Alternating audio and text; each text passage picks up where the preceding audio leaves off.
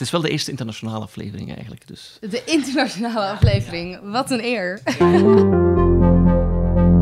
540 films, dat is waaruit mijn dvd-kast bestaat. De eerste kocht ik op mijn 12 jaar in de Free Record Shop en toen dat die er de brui aangaf, ging ik gewoon door.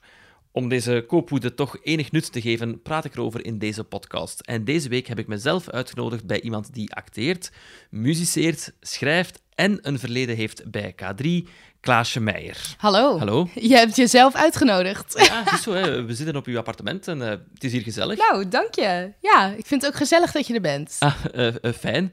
Ja, het geeft me alleszins de kans om, om te kijken of dat er veel dvd's aanwezig zijn. En, ja, echt enkele, echt oude. Dus een beetje van die boxen van Friends en Sex in the City. Heel cliché.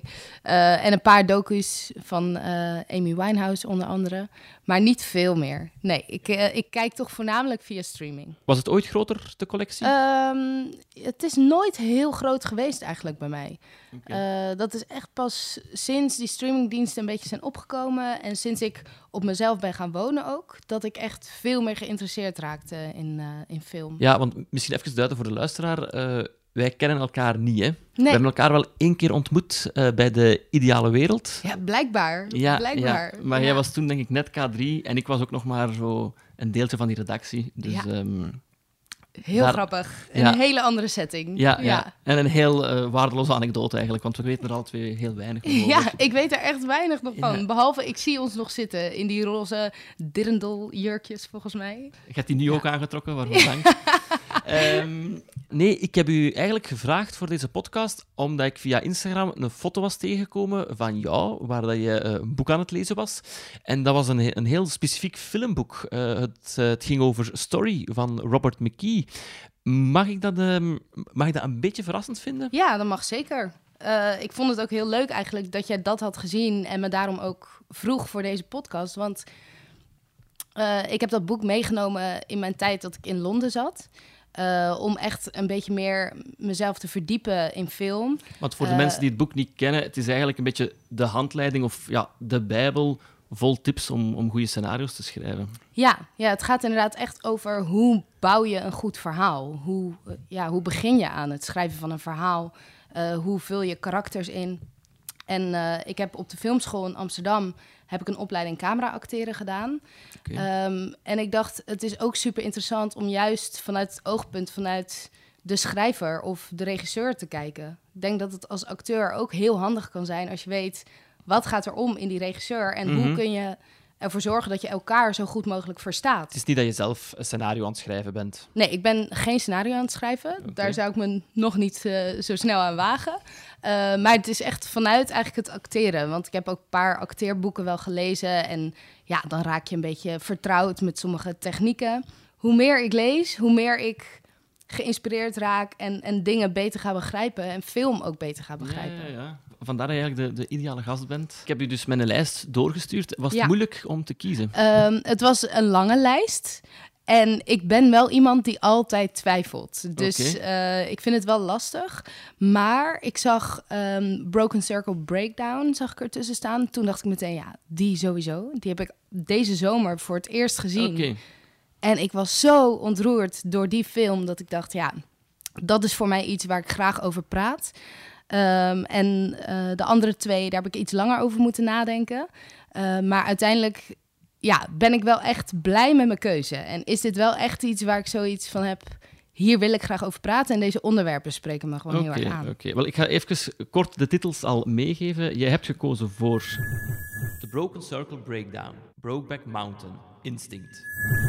Ik moet toegeven dat ik op zich de keuze nog, nog verrassend vond. En dan merkte ik dat ik misschien zelf ook een beetje vooringenomen was en dat ik al sneller zou gedacht hebben van ah, die zal misschien eerder kiezen voor films à la The Notebook of, of Notting Hill. Ehm, dus sorry voor het, eh, het, het cliché denken, maar, maar ik vraag me nu wel af, eh romcomfilms, is dat iets voor u of is dat eigenlijk totaal uw ding niet? Ik hou ook wel echt van Ja. romantische comedy. Ja, ja, ik hou daar ook van. Dus eh, weet ik veel, Notting Hill of dat soort films. Tuurlijk, daar kan ik echt wel helemaal bij wegzwijmelen. Ehm, maar deze films, ik, ik vond dat er in jouw lijst zoveel verschillende dingen stonden. Ja, En deze films die ik nu gekozen heb, die trokken mij het meest. Dus uiteindelijk is dat toch waar ook een groot stuk melancholiek in zit in het verhaal. Eh, veel melancholie, ehm, een beetje de dark side ook aan de andere kant. En voor mij is het heel belangrijk dat een film echt ergens over gaat. Dus een romcom kan ik heel leuk vinden om gewoon even te ontspannen. En voor eventjes uh, tussendoor, als ik uh, een hele drukke week heb, dan Ja, kan ja. ik dat heel fijn vinden. Ehm, maar dit soort dramatische films, ik vind dat daar echt een boodschap in zit. Dus ik dacht, ja, als we, als we dan gaan praten over Ja. film, dan heb ik liever dat we kijken naar dingen die ik echt heel goed vind. Ze kruipen Eh, alleszins alle drie wel onder de huid. Het zijn heftige beelden in sommige Ja. films, of eigenlijk in alle drie zit wel iets ehm, wat toch, ja, wat je aan het denken zet Ja. en wat ook gesprek oproept. ja, dat klopt volledig. Dus eh, eh, laat ons misschien gewoon meteen het, eh, het eerste gesprek aanvatten. It's nobody's business but ours. This is a one-shot thing we got going on here. You know, it could be like this always. Yeah, this thing grabs hold of us again, we're dead. Man, that's more word than you spoke in the past two weeks. Hell, that's the most I've spoken in a year. Brokeback Mountain, een film van Ang Lee uit 2006 met een speelduur van 129 minuten. In de hoofdrollen Heath Ledger, Jake Gyllenhaal, Michelle Williams en Anna Hathaway. De achterkant van de DVD omschrijft de film als volgt.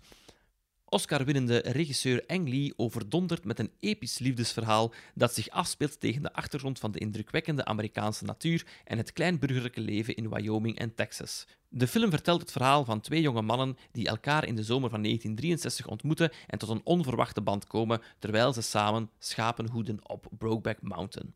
De kracht van liefde wordt danig op de proef gesteld. Ja, eh, waarom heb je deze film gekozen? Ehm, ik vind het onderwerp heel belangrijk. Ja, Ik vind het ook mooi dat dit een film is uit een andere tijd eigenlijk. Het, is Mhm. echt, eh, het speelt zich af in de jaren 60. Toen was er sowieso nog veel meer taboe eh, rondom de hele LHBTQ gemeenschap. Dus ehm, ik, het raakt mij zo enorm. Ik was ook toen ik het opnieuw keek weer zo geraakt. Ehm, met name op het moment... Ah, wacht, dat vind ik altijd moeilijk. Hè? Ik mag geen spoilers delen Het- het is natuurlijk. zien- dat, is, dat is heel gevaarlijk. Het is, het is gevaarlijk, maar ik, ik vind Ja. soms... eh, ik weet niet op welk punt dat je bedoelt. Misschien dat we het cryptisch kunnen omschrijven. Ja, Ehm, ik vind bijvoorbeeld helemaal op het eind van de film... Ja? dan ehm, gaat Ennis, eh, dus Heath Ledger... die gaat naar het huis van de ouders van Jake. Ja, ja. of Jack in de film. En dat is voor mij zo'n heftige scène. Mhm. Ehm, en als ik het niet mag zeggen, dan moet je het er maar uitknippen. ja, ja. Maar op het moment dat je hoort, als hij naar die kamer gaat, hoor je een klarinet spelen. En die klarinet, dat is gewoon een solo-instrument wat je hoort. En dat geeft eigenlijk de aanwezigheid van Jack, geeft dat weer. Dat hij dus toch in die kamer is. En dan vindt hij dat overhemd waar nog het bloed op zit van het moment dat ze even gevochten hebben. Maar eigenlijk was dat de herinnering aan hun allermooiste eerste zomer samen. Ja, ik, dan, ben ik, dan ben ik zo diep geroerd door de emotie van die hele scène. En Ik vind dat ook eigenlijk goed gekeken, want ik moet, ik moet zeggen, de klarinet was mij niet bewust opgevallen. ja, het Dus viel mij op omdat het verder gewoon stil was. Met dat je dat aanhaalt, ik denk dat ik dat een van de mooiste momenten vind van het einde van, van, van de film, is dat de ouders van Jake Gyllenhaal dan, als hij dat hemd, wat je daarnet zei, Ja, gaat halen, gevoelt ook, dat is een mama die het weet. Die weet van haar zoon, ja, die weet wie dat ze voor haar heeft. En daar wordt niets over gezegd. Dat wordt ja. banaal gedaan als een vriend, maar je ziet gewoon in die blik van die vrouw ja. Een soort van ik ben blij dat ik u toch eens heb ontmoet of zo. Ja, heel mooi gespeeld door die absoluut. twee mensen. Ja. En ook, het is heel tekenend dat die moeder zegt: Kom alsjeblieft Ja. nog eens terug. En zij, zij wil blijkbaar toch een band opbouwen om, om nog meer Ja. over haar zoon te weten te komen. En die vader, die zit heel pontificaal aan die keukentafel. Mhm. Volgens mij is dat ook heel bewust, is hij, haar, hij daar zo neergezet. Ehm, Zeker, ja. en hij, hij beweegt ook niet veel. Dus daarin zie je juist bij hem een soort geslotenheid. Ja. Een soort, ik ben het hier eigenlijk niet mee eens. En eh, ja, heel eh, Ja, heel, intens. Ja. En je hebt hem herbekeken, dan vraag ik mij af, want de film is uit 2006. Wanneer Ja. heb je hem dan voor het eerst kunnen nog ongeveer herinneren wanneer dat Eh, voor het eerst was? Ja, dat is nog niet zo heel lang geleden hoor. Dat is denk ik drie jaar geleden Ja, of zo voor het eerst. En ik moet heel eerlijk bekennen dat ik, toen ik hem voor het eerst zag, had ik ergens een gevoel van, oh, waarom, waarom kiezen ze nu niet voor hun gezin? Mhm. Dat had ik de eerste keer toen ik het keek. En nu kreeg ik zoveel sympathie voor de relatie van die mannen onderling. En toen dacht ik, ja, het- is gewoon zo erg. Ze zitten zo gevangen in het leven en in eh, de mening en de, de tijdsgeest van de maatschappij. Daarin zitten ze gewoon helemaal gevangen en kunnen ze geen kant op. Mhm. De film heeft me eigenlijk enorm verrast, omdat hij staat in mijn kast, maar ik had hem nog nooit bekeken. Ja. Dus er zijn, er zijn een honderdtal films dat ik ook gewoon blind heb gekocht en nooit heb gekeken. Ja. En ik heb hem lang gewoon niet bekeken, omdat ik, ik, had echt verwacht dat ik twee uur tussen de schapen ging zitten met twee mannen. Dat was heel eh, verbazend dat de film eigenlijk eh, na 40 minuten een totaal andere richting uitgaat. Ja, Ook geschrokken van Michelle Williams, dat hij daarin meespeelde. En ik vond dat wel echt een heel, ehm, ja, heel interessante eh, lijn, want die ontdekt dan de, de ware aard Mhm. van haar man. ja. Zij zet best wel een sterke vrouwenrol Ja. eigenlijk neer. Hè? Ja, En hij- ik vind het juist mooi dat het dus vrij traag vooruit gaat. Mhm. Want daardoor is er heel veel plaats voor Ja. spel. Daardoor is er heel veel, wordt er heel veel gespeeld in, in blikken. Er wordt eigenlijk niet heel veel gesproken. Zeker niet door, eh, door Heath Ledger. En toch, door al die blikken voel je zo waar dit verhaal over gaat. Een van mijn lievelingsscènes in de film is, ik weet niet of je die nog herinnert, eh, als eh, ik denk dat Jake Gyllenhaal voor het eerst zijn snor heeft en de Thanksgiving kalkoen wordt aangesneden. Ja, En er is discussie over of dat een tv aan mag en niet. ja En de eerste keer dat hij dan uitvalt en tegen zijn schoonvader gewoon vol er ja, tegenin vol gaat, tegenin gaan, ja, dat, dat is echt... eh, dat is goed gedaan. Er zijn misschien maar twee dingen die ik wat minder vond. Mhm. De veroudering vond ik misschien niet volledig geslaagd. Wat grijs en Ja. de make-up daar. Eh, omdat het, het is een tijdsbestek van 20 jaar, Ja, geloof ja. ik. Hè? Een relatie van 20 jaar Ja. die er eigenlijk afspeelt. Maar het stoorde Ja. me niet, maar het viel me wel op naar het einde toe van... mm, dat geloof ik niet. En het Ja. moment dat Michelle Williams, dus de vrouw van Heath Ledger, toch aankaart dat ze al de tijd vermoedens had, Ja. vond ik raar gekozen. Dat was dan eigenlijk Ja. al na hun scheiding. Dan dacht ik van, conflictgewijs, zou ik dan toch vlak voordat we naar de rechtszaal gaan om het uit te maken, zou het er dan toch uitkomen van, maar ik heb u zien kussen of jij bent nooit gaan vissen. Dus Ja. dus dat vind ik in timing een beetje makkelijk gekozen om de film dramatisch in elkaar te laten ja. passen. Ja, daar volg ik je enigszins wel in. Ehm, aan de andere kant vind ik ook weer dat het juist dat uitstellen van dat gesprek zorgt ook voor die spanning of die onderliggende spanning in die film de hele tijd. Mhm. Ehm, dus daarin snap ik de keuze ergens ook weer wel.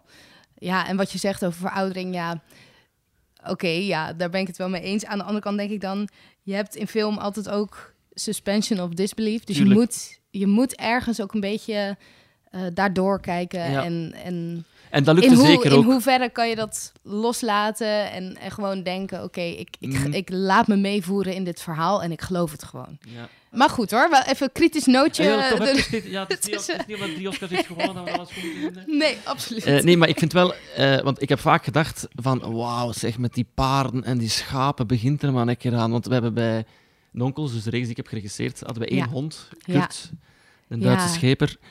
En dat was verschrikkelijk. Allee, alle liefde voor de hond, maar dat was echt een soort vierjarig kind dat Ja, je op de set had. En als die Dieren op idee- een set, dat is Dat is, echt... dat is Heb jij ervaring met dieren op een set?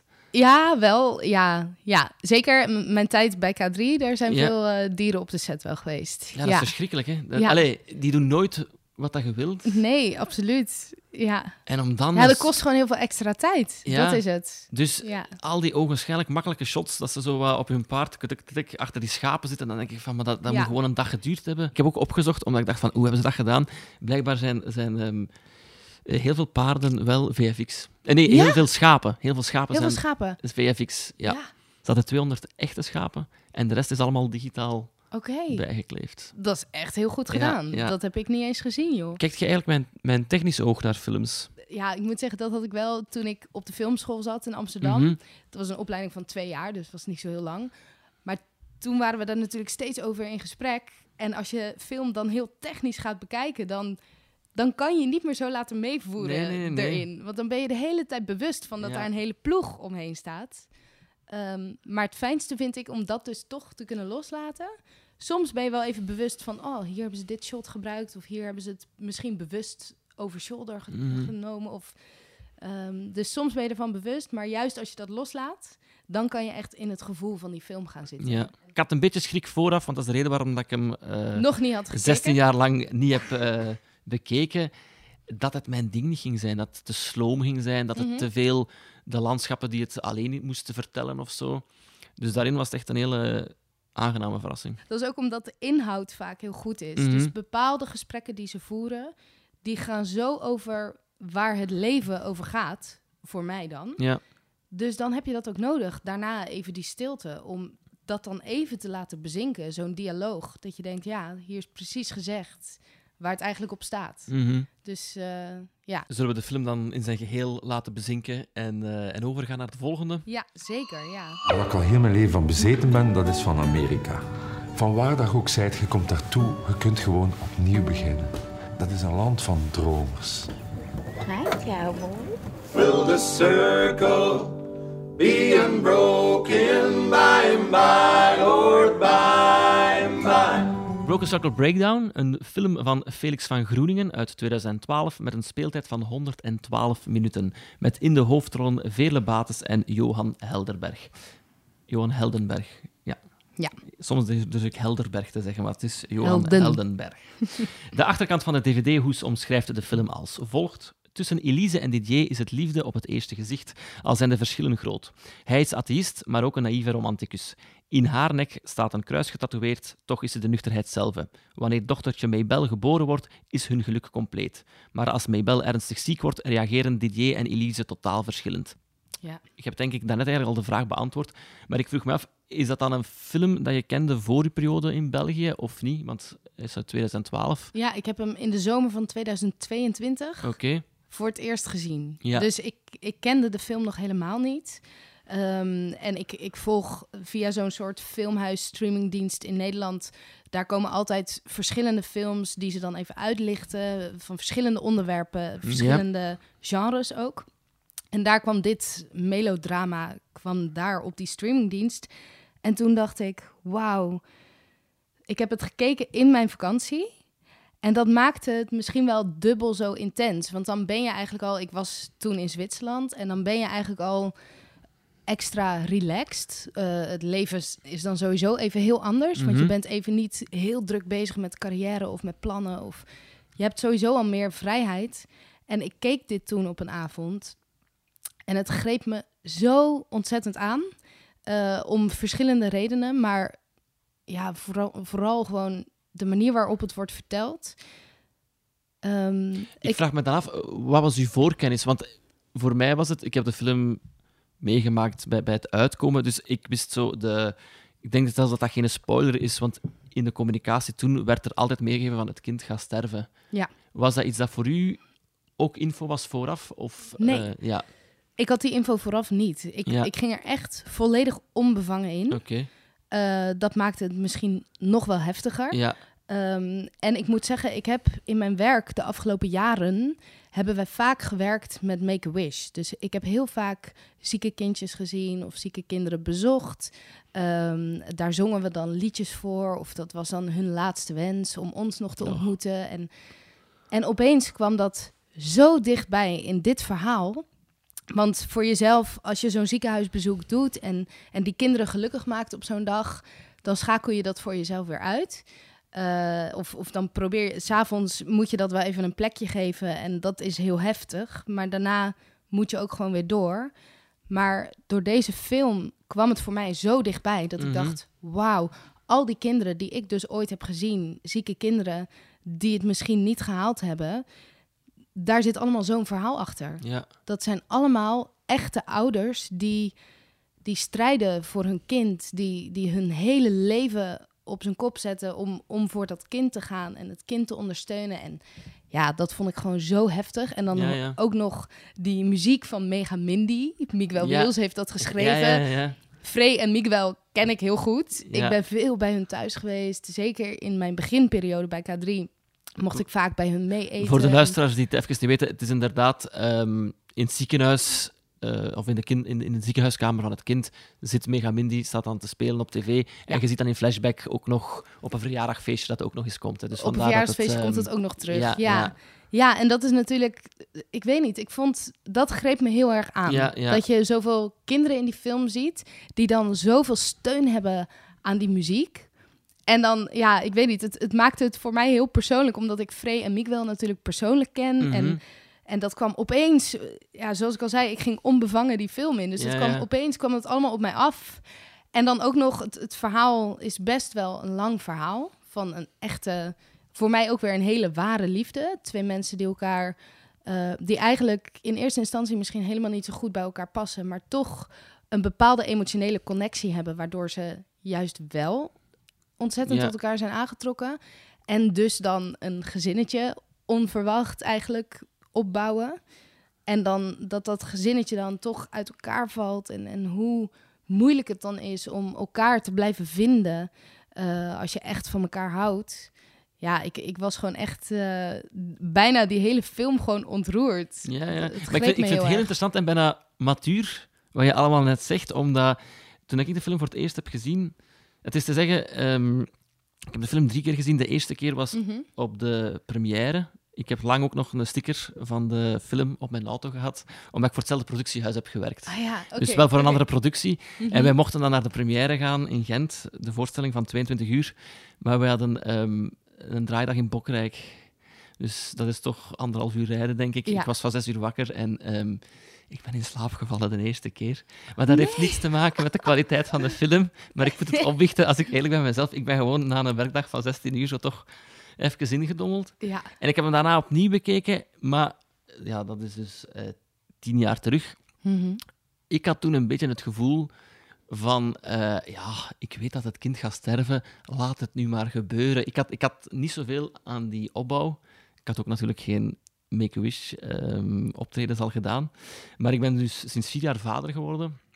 Dus, dus de, de opbouw van, van eh, het koppel samen en het kind heeft mij nu wel echt ja, meegetrokken. ja, ja, bijzonder. Ja. Het, is, het is gewoon een heel dramatische film. Maar ik vind het ook wel heel echt. En het laat je ook afvragen, wat moet ik op dat moment tegen mijn kind zeggen? Moet ik hoopgevend blijven of, of moet ik het realistisch benaderen? het klopt wat je zegt, dat die struggle, die zit heel erg in Ja. deze film. Eh, het, het verschil tussen, tussen de papa en de mama eigenlijk. En ehm, ja, DJ, of, of Johan Heldenberg Ja. eigenlijk, die, die stort zich op een gegeven moment helemaal in dat eh scientisme, heet het Ja. geloof ik. Dus dat hij echt puur en alleen maar vanuit de natuurwetenschappen alles benadert. En dat heel soms is dat bijna een beetje komisch. Dus dan, dan staat hij aan dat ziekenhuisbed en dan met die sterretjes Ja. legt hij dat dan zo uit. Dat een, een ster, eh hè, Mabel, dat weet je, een ster is eigenlijk een zon. Maar die zon die Ja, wij ja, nu ja. zien, die zon is er misschien al lang niet meer, weet je wel. Terwijl de mama, Veerle eigenlijk, die, die legt uit aan haar, aan haar dochter van de sterretjes. Ja, ja, ja. Ehm, als we overlijden, dan worden we een sterretje aan de hemel. En Mhm. dat contrast tussen, tussen eh, Veerle, die, die eigenlijk heel spiritueel en heel eh, ja, juist gaat geloven in reïncarnatie, omdat dat haar hoop en houvast geeft. En, en Johan, die zich volledig verliest in, in die hele natuurwetenschap en, en, en daar een soort kwaadheid over ontwikkelt. En dat maakt, daardoor zie je hoe moeilijk het is om, om op, een, op, op, op een bepaalde manier bij elkaar te blijven als Mhm. je in een rouwproces zit. ja. Dus, Ik vind dat ook een van de mooiste scènes is als eh Maybell dan de dode vogel in haar handen heeft. Ja, En hij is zo onbeholpen met dat uit te leggen. En ja. hij geraakt niet verder dan... Ja. Dat, moet, eh, dat mag niet op compost, hè. Dat is, eh, het is het huisvuil dat dat moet. En ja. ik heb luid op gelachen. Gaan we het in de vuilbak maar, doen? Ja, ik heb luid op gelachen, maar gevoeld zo van... Ja, ik, ik zou hetzelfde doen, denk ik. Ik zou niet weten wat ik moet doen en mij vastpinnen op zo de enige houvast dat je hebt. En dat zijn de regels wat er in de gele zak mag en wat er in de blauwe zak mag. Dus ik zou ook, denk ik, daarop doorgaan. Van, Nee, ik zou denk ik, ik, ik ben daar wel echt anders in. Wij hadden bijvoorbeeld vroeger, als er huisdieren eh, Ja. overleden, dan, dat waren cavia's of konijnen of weet ik veel wat, eh, of zelfs goudvissen, die gingen we echt begraven in de tuin. Oké. Dus toch wel een stukje het spirituele of de, de symboliek daarvan. En misschien heeft dat wel ermee te maken dat mijn vader dominee is... Ja. en dat mijn ouders altijd wel ehm, waarde hebben gehecht aan die symboliek. Dus wij hebben echt dierenbegrafenissen gedaan in onze tuin. en dat is denk ik voor een kind heel goed voor het verwerkingsproces. Dus Speel je dan ook altijd klarinet op de dienst? dwarsfluit of- speel ik maar, Sorry, sorry. Ja. Ik, deed Ja. wel, ik deed wel Ja. de beweging van Ja, dwarsfluit. dat klopt. dus- Die deed je ja, erbij. Dat ja. moeten we even zeggen Ja. tegen de luisteraar. Hij deed echt de beweging eh, van de dwarsfluit. Of Ehm, ik heb nu prijsgegeven dat ik denk dat dat een klarinet is. En het is dubbel dom, maar... ehm, Nee hoor, totaal Nee. niet. Ehm, nee, dat deden we niet, maar wel, eh, we maakten dan echt een houten kruisje en dan eh, werd het diertje werd dan in het graf gelegd en dan eh, ja, grond eroverheen en dan stonden we allemaal wel een beetje te huilen en dan het kruisje erop en dan was het in de dierenhemel. Dus ja. qua dat denk ik dat je dus kinderen ook wel een hoopvolle boodschap mag geven, ook Mhm. al geloof je er zelf misschien niet helemaal in. Of Nee. ook al zijn we er zelf nog helemaal niet uit. Van ja, hoe praat je met een kind over het hiernamaals? Is het er, is het er niet? Doet het er überhaupt Mhm. toe? Of het er wel of niet is? Ehm, ik denk dat het wel goed is voor een kind om hoop of houvast te hebben. Heb gehad. Ah, wel, want ik- ik- je hebt net zelf aangehaald, je papa is dominee. Bij deze film, eh, Yahweh of God, krijgt het wel hard te verduren. Er is Ja. één scène dat Ja. heel intens gaat. Ik vraag me dan af in, in hoeverre dat dan bij u binnenkomt. Sta jij ook op een soort kruising van de twee personages? Of... of ehm, Ja, ik hang er wel een beetje tussenin. Want eh, enerzijds ben ik echt wel aanhanger van natuurwetenschap. En denk ik, oké, we moeten het ook zo, zo wetenschappelijk mogelijk allemaal proberen te bekijken. Ehm, en het spirituele, ja, ik, ik ben wel iemand van onderbuikgevoel. Als ik zoiets heb van, oké, ik heb een zeer sterk onderbuikgevoel dat ik een bepaalde keuze moet maken dan zal ik die keuze ook maken. En dan kan ik dat niet per se natuurkundig uitleggen waarom ik dat dan doe. Dus ja, qua dat hang ik er wel een beetje tussenin. En het klopt dat je zegt dat hij echt een, een hele grote speech houdt eigenlijk. Ehm, en voornamelijk met een negatieve boodschap tegenover yes. eh Yahweh. Dus de- eigenlijk de God van het Oude Testament. Dus is het God- Yahweh? Nou, Ja. Heb ik, heb ik het verkeerd uitgesproken? Nou, weet ik niet. Ah, Nee, ja. want het zou ook kunnen dat het Vlaams en Nederlands, Ah, ja. dat we het Ja. verschillend zeggen. Oké. Het is eigenlijk een Joods woord, hè? Ja, maar ja. Laat ons dat houden voor eh, de hele podcast. Als ik iets verkeerd zeg, het is gewoon de Vlaamse. precies het grote uitdrukking. verschil tussen het voilà. Vlaams en het Nederlands. Ja. Dat eh, dekt mij ook goed Ja, in ja, dan, hè, voilà. als ik Ja. verkeerde woorden zeg. Maar het is gebaseerd op een toneelstuk trouwens, dat hij zelf heeft geschreven, denk ik. Ja, Ja. En ik denk dat dat nu wordt hernomen Ja, door dat weet Lise ik. Verijn. En Lise, ja. Is het Roel van der Stuk? Ik weet het nu niet wie dat de man is. Maar eh, oorspronkelijk was het een, een stuk. En ik denk dat Johan Heldenberg eigenlijk veel van de teksten en waarschijnlijk van de speech zelf ook geschreven had toen. Ja. ja. Nee, ik vond het een zeer, zeer sterke speech. Alleen, de vraag is natuurlijk wel of je dat op die manier moet overbrengen op je publiek. En Mhm. in hoeverre dat mensen dat dan voor waarheid gaan aannemen. Want het is natuurlijk wel een zeer agressieve methode om het zo Ja, te doen. Het lijkt gewoon een Eh, dronken muzikant, zoals ze vaak eh, dronken op het podium staan. Ja, ja, wellicht. Maar goed, maar dat is ook wel waarom ik dit dus een hele goede film Ja. vind. Het gaat gewoon over leven en dood. En de vragen die we ons daarbij stellen. Mhm. En dat dat een strijd is. En wat vond je van de muziek? Want als ik, als ik ehm, een, toch een kleine kritische noot misschien. dat mag. Ehm, niet elk nummer kwam bij mij binnen. Af en toe was het voor mij een beetje dat de film on hold stond en dat het een mooi intermezzo was. Maar het is niet dat ik bij, de, bij alle nummers dat het een impact had. Ja. Ehm, ja, ik, ja, ik moet zeggen, ik vind juist, ik vind het heel, heel charmerend eh, of heel charmant dat niet alles spatzuiver is gezongen. Of dat Ja. er af en toe, ja, dat het net niet helemaal bonkerop is, altijd. Dat vind ik juist zo mooi, omdat het het zo echt maakt. Ja, Dus Maar daarmee... bij mij gaat het echt eerder over de... de want of dat, dat goed gezongen is of niet, dat hoor ik eigenlijk niet. Daarin ben ik heel eh, slecht in, in vals zingen of niet, bij wijze van Ja, spreken. ik, is- maar ik zeg absoluut niet dat, het, Nee, nee, nee, dat er vals is gezongen. Hè? Dat totaal niet. Maar dat er af en toe een hoekje af Ja, is, dat, maar het dat gaat je eerder dat over hoort. de, de scène zelf. Dat, dat ze de ruimte nemen om een nummer te brengen. Dat ik denk van, ah ja, voor je, dat brengt voor niet gevoel te veel misschien. ja. Ik denk dat er twee Ja. nummers zijn dat ik denk van, dit brengt mij nu niet zoveel bij. Ik, ik had het nummer niet nodig gewoon, los van Ja. de eh maar dat is denk ik ook persoonlijke smaak. Want ik ben heel muzikaal ingesteld, denk ik. Omdat ik, ik heb conservatorium dwarsfluit gedaan. Dus ik ben mijn hele leven al met muziek bezig geweest. Daardoor is muziek bij mij iets wat enorm triggert. Of ook Mhm. muziek onder scènes. Dat is gewoon hetgeen wat bij mij ook Ja. emotie losmaakt. Ehm, dus ja, ik moet zeggen, dat is dan denk ik persoonlijke smaak. Want dat heb Ja. ik persoonlijk niet gehad. Ik vind juist ook weer de teksten en de boodschap die in die nummers verweven is. Ja, het is bluegrass, eh, Amerikaanse muziekstijl eigenlijk, hè, country. Ehm, mij sprak dat juist heel erg aan. Ja. Maar ik kan me wel voorstellen dat je af en toe hebt gedacht... het is nu een beetje veel. Dat kan ik me wel voorstellen. Maar ik denk dat vooral is dat... dat nee, het is eigenlijk niet vooral dat.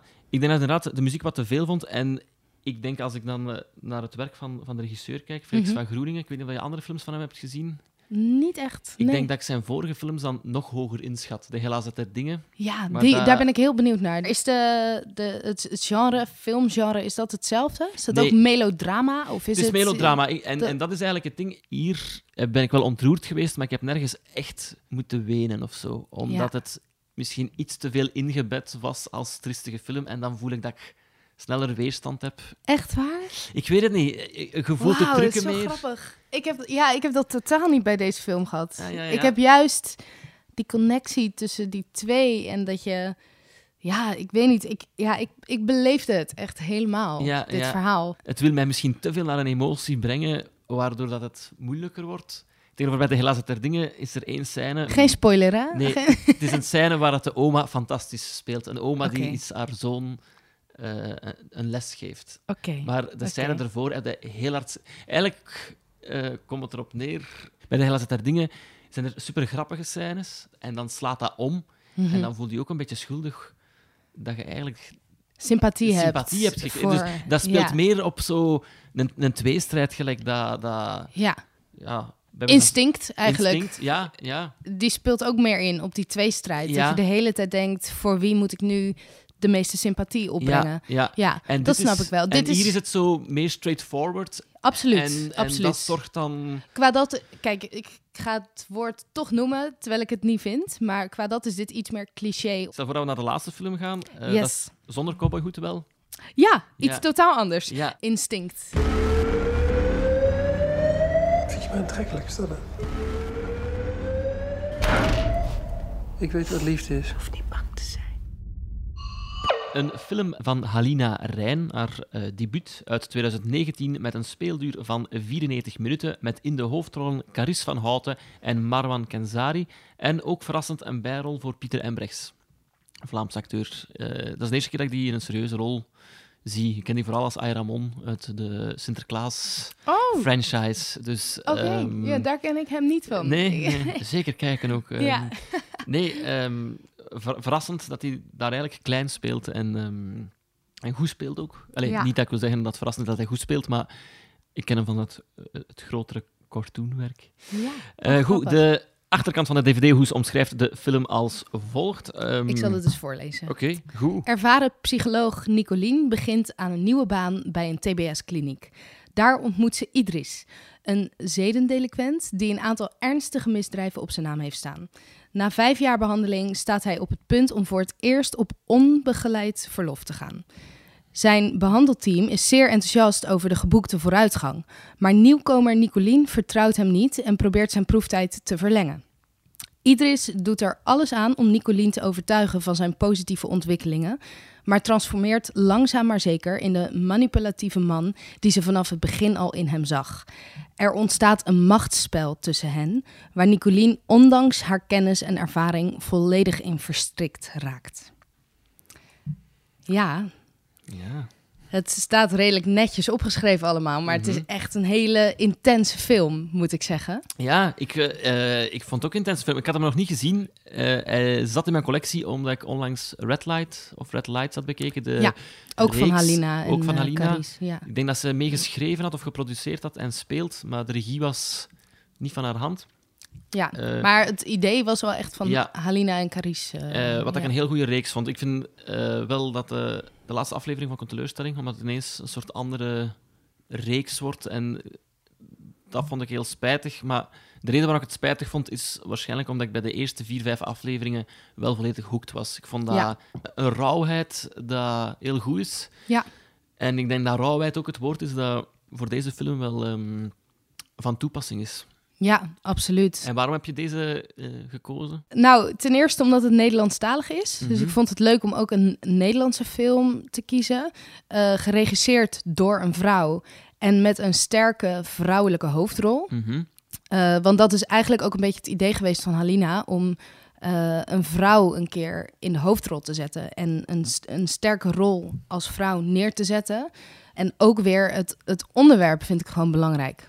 Dat er gewoon over wordt gesproken, over machtsverhoudingen, machtsmisbruik, eh, seksuele intimidatie, allemaal dat soort dingen.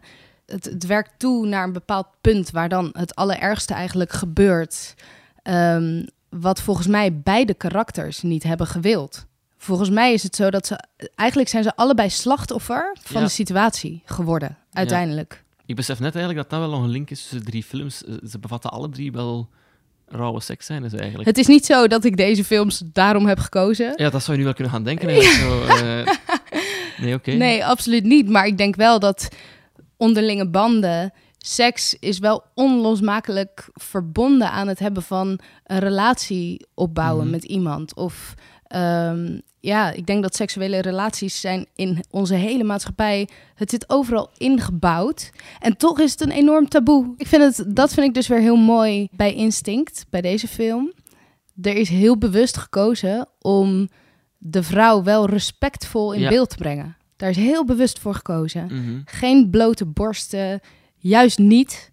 Om te laten zien van je kan ook iets super geils en seksueels neerzetten. zonder dat een vrouw daarvoor helemaal naakt hoeft te gaan. ja, Want moet dat altijd? Mhm. Niet vanuit preutsheid, maar wel vanuit ja, de respect voor de acteur. Want de ene acteur wil dat wel, de andere acteur heeft het daar veel moeilijker mee. En in welke categorie zit jij? Of is dat voor u nu extra moeilijk, gezien dat je nog altijd als kinderidool aanzien wordt en dat het dan ja, heftigere reacties met zich zou meebrengen? Ehm, eigenlijk houdt dat me niet zozeer bezig, omdat ik zoiets heb. Mijn publiek zal uiteindelijk wel met mij meegroeien. Mhm. En ik ben een hele tijd een kinderidool geweest en dat zal echt nog wel een tijd ook zo blijven. Dus ik zeg niet dat ik morgen naakt ga in een scène, want je moet wel altijd ergens rekening houden met je doelpubliek. Mhm. En ik ben me wel altijd heel bewust geweest van die voorbeeldfunctie die ik heb. Dus ik zal daar zeker voorzichtig in zijn. Maar aan de andere kant vind ik het veel belangrijker dat wanneer er seksscènes in een film nodig zijn of, of in het scenario staan, dat het dan ook gebeurt op een manier dat het voor iedereen prettig is. Dus dat het dat er een, een tegenwoordig heb je in Nederland bijvoorbeeld, ik weet niet of dat in België ook zo is, maar je hebt coaches, speciaal intimiteitscoaches voor op een set, die daarbij aanwezig zijn, die daarbij goed kijken naar wat heeft de acteur nodig, Eh, is de setting veilig, is de werkomgeving veilig. Dat is voor mij allemaal veel belangrijker dan wat mensen daar uiteindelijk van gaan vinden. Ik wou trouwens ook nog met u hebben over een eh, andere bedscène. Wat vond jij van de scène van de hond op het bed? Ik vond dat plots eh, heel vaag. Die hond op dat bed, ja, heel random. Voor mij ook. Maar ik denk wel dat daar ook weer een soort symbol- symboliek achter zit, Ja. wat ik misschien nu nog niet Ah, weet. daarin verloor de film soms een, een beetje. Ja, maar misschien is het ook dat wij nog niet ver genoeg zijn in ons denkproces. En het dus nog niet helemaal kunnen, kunnen beheersen of nog niet volledig vatten. Dat, dat wil ik dan ergens ook wel weer Hmm. Ja. geloven. Dus misschien moeten we binnen 20 jaar opnieuw afspreken, als er dan ook dvd-spelers bestaan. En dan zullen we nog eens samen bekijken en zien of dat we er meer hebben eh Ja, weten uit te halen. Maar sowieso vind ik hem wel... eh, Allee, Het zet je wel aan denken, toch? Ja, zeker. En Caris Ja. van Houten speelt wel heel goed. Allee, Nee, ik snap wat je bedoelt. En, en dat vind ik eigenlijk bij al deze films. Alle acteurs, dat is misschien ook wel een reden waarom ik ze heb gekozen. Het zijn allemaal acteurs bij wie je echt die binnenwereld kan zien. Ja. Je kijkt in die ogen en die ogen staan niet stil. Er spelen verhalen af in hun hoofden. En dat is voor mij echt het toppunt van acteren. Als je dat kan neerzetten, dat je ziet dat daar een enorme binnenwereld achter zit. Dat het niet puur een blik is van iemand die naar een auto of naar een gezicht aan het staren Ja. is. Maar dat er echt zoveel nog achter zit. Dat hebben alle drie deze films voor mij. Ja. Goed. Eigenlijk zijn we, zijn we eh, rond. We zijn er door. We Ik vond het heel tof. Ik vond het ook heel fijn dat je mooi voorbereid was. Je bent de eerste die mijn notitieboekje eh, Oh, heeft wat erg. voorbereid. Nee, nee, nee, supergoed. Wie de volledige lijst van mijn dvd-collectie wil bekijken of die wil grondig bestuderen, kan terecht op mijn Letterboxd-account. Daar is mijn gebruikersnaam Jelle Gordijn aan elkaar. Of op de website dvdkast.be met een K. Ik heb een website gemaakt. Nice. Ja. Die ga ik ook even opzoeken Ja. hoor. Het is gewoon de Excel dat je kunt downloaden. Lekker old school, Ja, toch? ja, Alleen voilà. maar fijn. Ja. Dus ik ga nu de, de bandrecorder op stop duwen.